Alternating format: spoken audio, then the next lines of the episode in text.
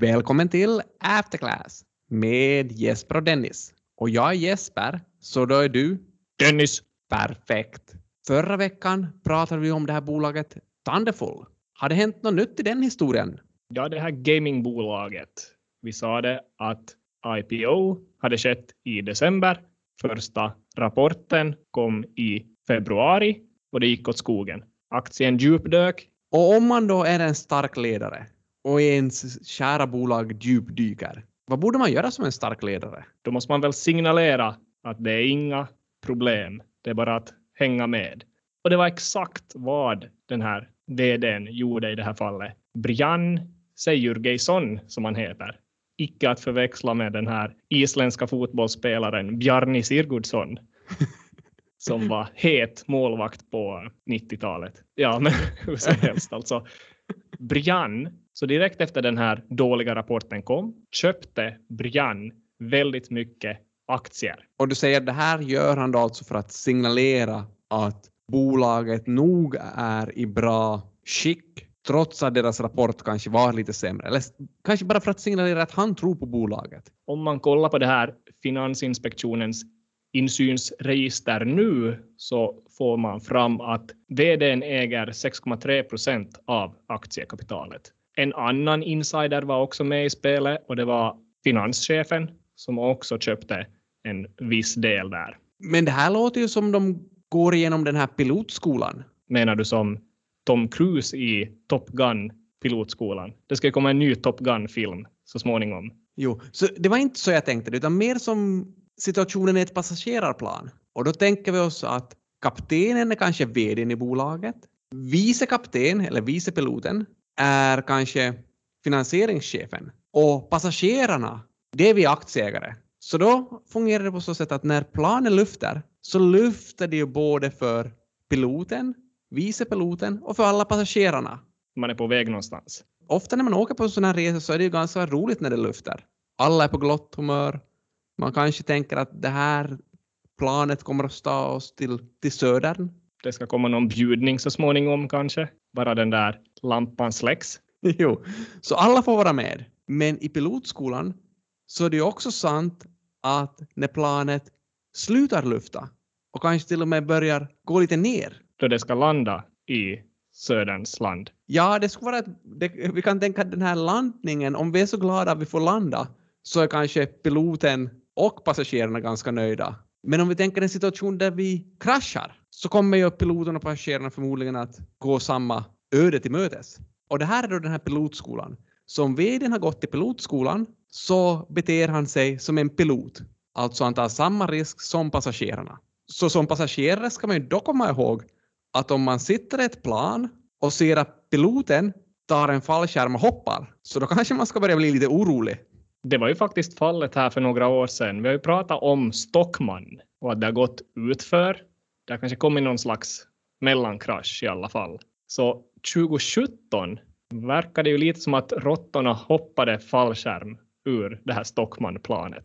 För den dåvarande styrelseordföranden Jukka Hienonen sålde ganska mycket aktier, eller det var typ 10 000 aktier och priset var då 6,40. Och det skedde typ en månad före en vinstvarning kom. Ja, det var lite påpassligt. Så där gäller det verkligen att när man ser att piloten tar en fallskärm så ska man också snabbt ta en fallskärm själv också.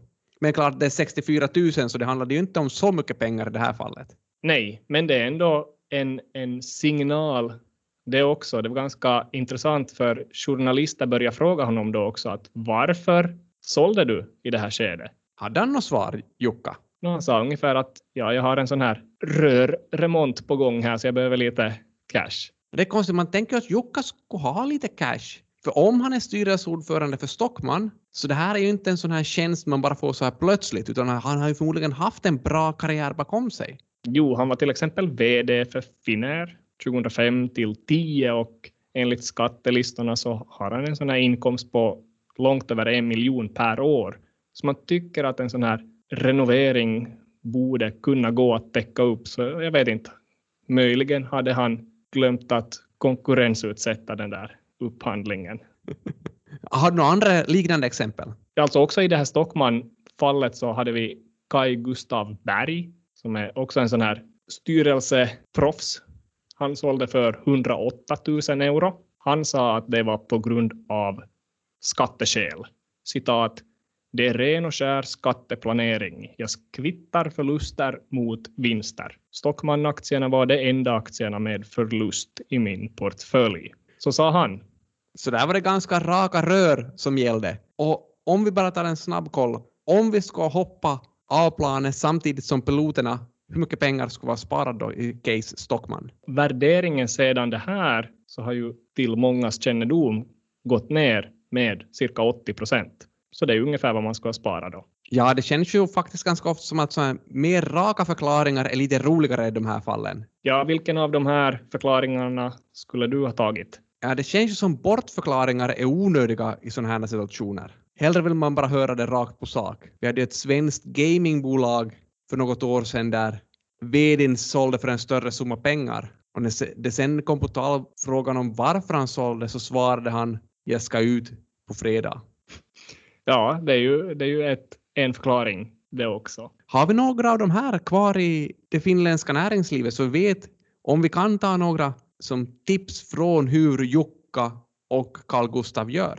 Båda figurerar nog ganska frekvent fortsättningsvis. Jukka till exempel är ju styrelseordförande i Nokian Renkaat och enligt insiderredovisningen har han 12 795 aktier och med ett pris kring 30 euro så skulle det motsvara cirka 380 000 euro. Så där kanske man kan följa med vad som händer, hur det går med vinterdäcksförsäljningen. Ja, så det gäller att hålla koll på vad Jukka gör. Och det är ju inte förbjudet att handla på information om när de här insynshandlarna handlar. Men det som är förbjudet är ju att handla på insynsinformation. Det där Stockman-exemplet skedde cirka en månad före en ny händelse kom ut i form av en vinstvarning. Så det börjar väl vara på gränsen. Men fortfarande okej? Okay. Häromsistens var det faktiskt ett åtal i Sverige mot två bröder. Och de fälldes också faktiskt för grova insiderbrott i det här rederiet Viking Supply Ships. Men i år kom faktiskt ny information som gjorde att åtalet och också den fällande domen försvinner. Vad var det här för typ av ny information? Egentligen var det inte ny information, men man hade väl kommit fram till helt enkelt att bevismaterialet som fanns inte håller i rätten egentligen. Vänta, vad är det här för bevismaterial då som är så ohållbart? Det var några sms som hade sänts mellan de här två bröderna. Så ena brodern jobbar i bolaget, andra inte. Den som jobbar i bolaget säger åt den andra brodern att hej, köp några Viking-aktier. Vi har sålt några isbrytare för extremt mycket pengar. Tror att informationen kommer att gå ut offentligt på fredag, så köp nu. Därefter köpte brodern, så det känns ju som insiderhandel. Lite så, jag tycker det låter som att man ger information som man bara kan ha om man är inne i bolaget till någon annan. Då affären offentliggjordes, alltså den här isbrytaraffären, så steg också aktien med 460 procent. Men nu säger då den här rättegångsbalken att sms går inte att använda som bevis. Så det här förkastas, fastän det ju nog känns som ett insiderbrott. Jag tycker att det har ju väldigt mycket av de här komponenterna som skulle göra det till ett insiderbrott. Vi har det här informationsutbytet och vi handlar på den här informationen som bara en insider kunde ha. Men kanske man lär sig någonting av det här också. Ska man dela insiderinformation så ska man dela det med sin bror och man ska använda sms. Ja, så kanske Bud Fox i Wall Street-filmen skulle ha klarat sig om han skulle ha sänt ett sms där det stod Blue Horseshoe Loves Anacott Steel istället för att sagt det över telefonen. Möjligen. Problemet bara förstås att filmen kom 1987 och sms skickades väl kanske första gången på 90-talet. ja, det är tufft att vara en sån här podcast när någon har all fakta. Så är det. Men kanske man inte ska handla som insider via sitt eget konto. Man ska inte skicka sms och inte handla via sitt eget konto. Så har vi några tips vems konto vi skulle kunna handla via? Vi pratade ju om döttrar en gång. Det är finns, det en bra idé? Ja, det, det finns en forskningsartikel av en författartrio som heter Berkman, Koch och Westerholm och det är publicerad i JF, Journal of Finance. De grupperar människor enligt ålder. Kolla vem har högst avkastning. Och vad de noterade var att det var en abnormalt hög avkastning bland 0 till 10-åringar. Så alltså bland barn? Yes, och det var ännu högre abnormalt hög avkastning bland 0 till 10-åringar som hade insiders som föräldrar. Ja, alltså är historien här att om man har en insider som föräldrar så har man bra gener och då blir man en väldigt bra investerare i tidig ålder. Jag tror väl lite mer på det där mekanismen att föräldrarna sköter den där aktiehandeln baserat på in insiderinformation. Studien är faktiskt gjord i Finland så jag tror vi ska tro på det här. Ja, det låter ju väldigt bra. Och på tal om investerare med hög avkastning. Ska vi prata om några småbarn? Nej, nu ska vi prata om två äldre herremän. Charlie Munger på 97 vårar och Warren Buffett på 90 vårar. Ja, så frontfigurerna i Berkshire Hathaway. Jo, och det de gör årligen är att de ger ut ett sånt här brev till aktieägarna av bolaget. Där de skriver lite om hur det gångna året har gått. Och det här brevet gav de ut nu 27 februari. Är det främst Buffetts brev? Ja, det är Buffett som skriver det här brevet. Jo. Så det är ett form av, kan man säga det som ett investeringsbolag? Ja, det är ett investeringsbolag de driver nu för tiden. Från början var det ju någonting helt annat. Så vad sades det i det här brevet då? Att det kanske inte gick så bra i fjol om man jämför med aktiemarknaden. De hade en avkastning på 2,4 procent, aktiemarknaden 18,4 procent. Men vad de egentligen också säger att det här är nog ingenting vi ska oroa oss för. De tror att de strategi kommer att fungera också i framtiden.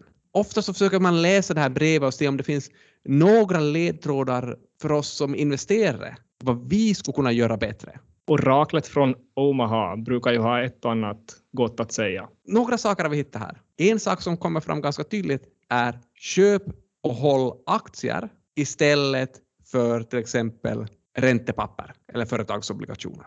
Någonting som Warrant ofta brukar säga är just det här att om man tror att till exempel USA ska finnas kvar och det ska gå bra för USA, köp amerikanska aktier. Så det var egentligen inget nytt. En sak som var lite nytt däremot var att Berkshire har börjat köpa tillbaka sina egna aktier. Och det här innebär ju egentligen att antalet utestående aktier minskar, vilket gör att varje kvarvarande aktieägare får en lite större del av kakan. Så om man skulle försöka lära sig någonting av det här skulle man kanske kunna gå in i det här bolaget som ägare? Jo, för Warren har sagt att de kommer endast att köpa tillbaka aktier när de tror att klimatet är fördelaktigt för att köpa tillbaka aktier. Visst är så det så att den är väldigt billig per aktie?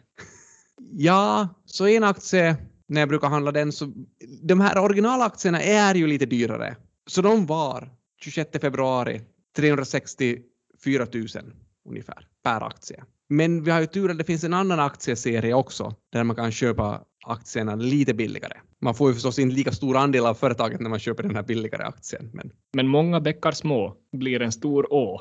Två av de här bäckarna som leder till den stora ån är då alltså köp aktier och om man vill göra något mer specifikt kan man köpa aktier i Berkshire Hathaway.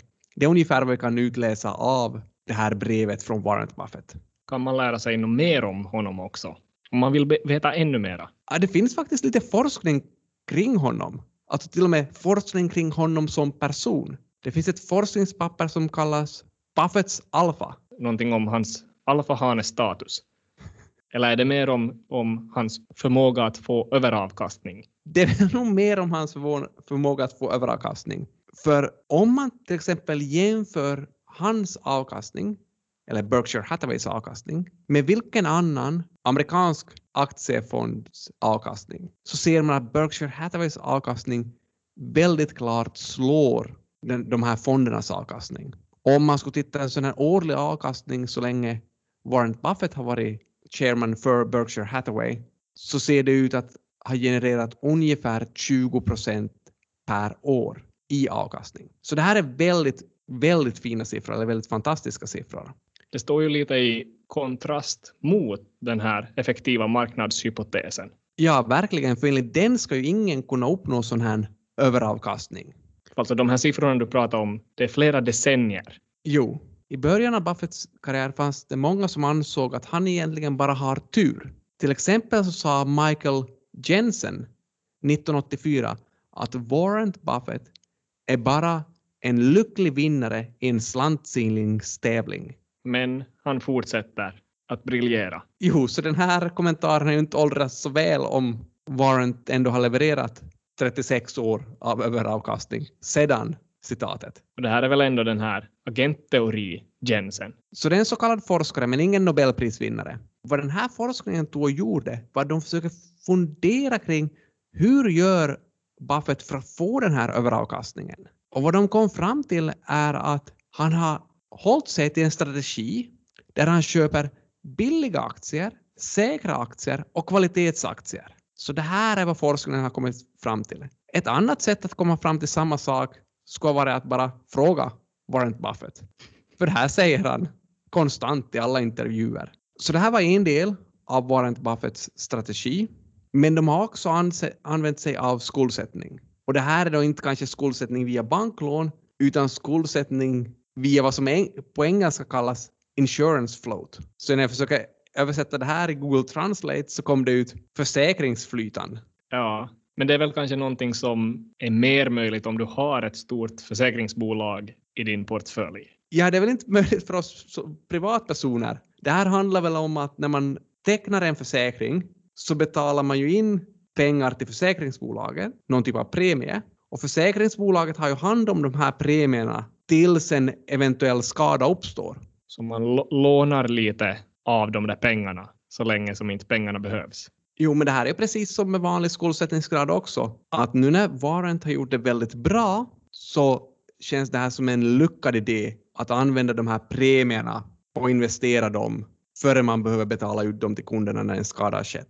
Men om man inte ska vara en lika bra investerare så kan det hända att man ska i princip då förlorat de här premierna du har fått in när försäkringarna har tecknats. Och då har man ju inte pengar för att betala när skador sker. Ja, det är lite som det där Buffett-citatet om att det är bara när tidsvattnet rinner iväg som man märker vem som har badat naken.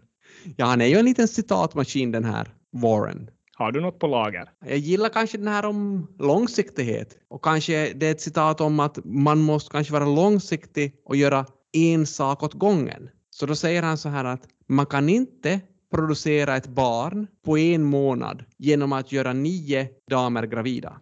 Kan du följa upp någonting på den där?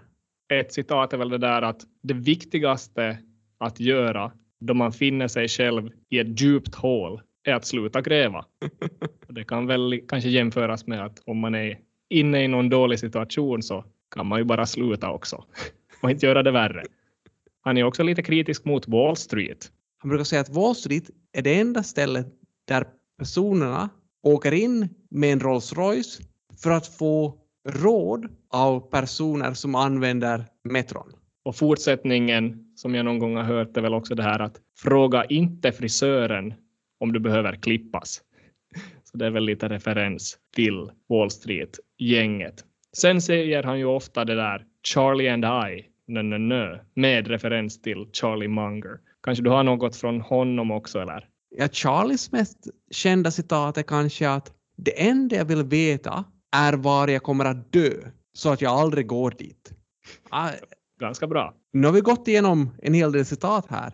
Har du ännu några fler citat? I have nothing to add. Så vi fortsätter nästa vecka med nya insikter i After Class.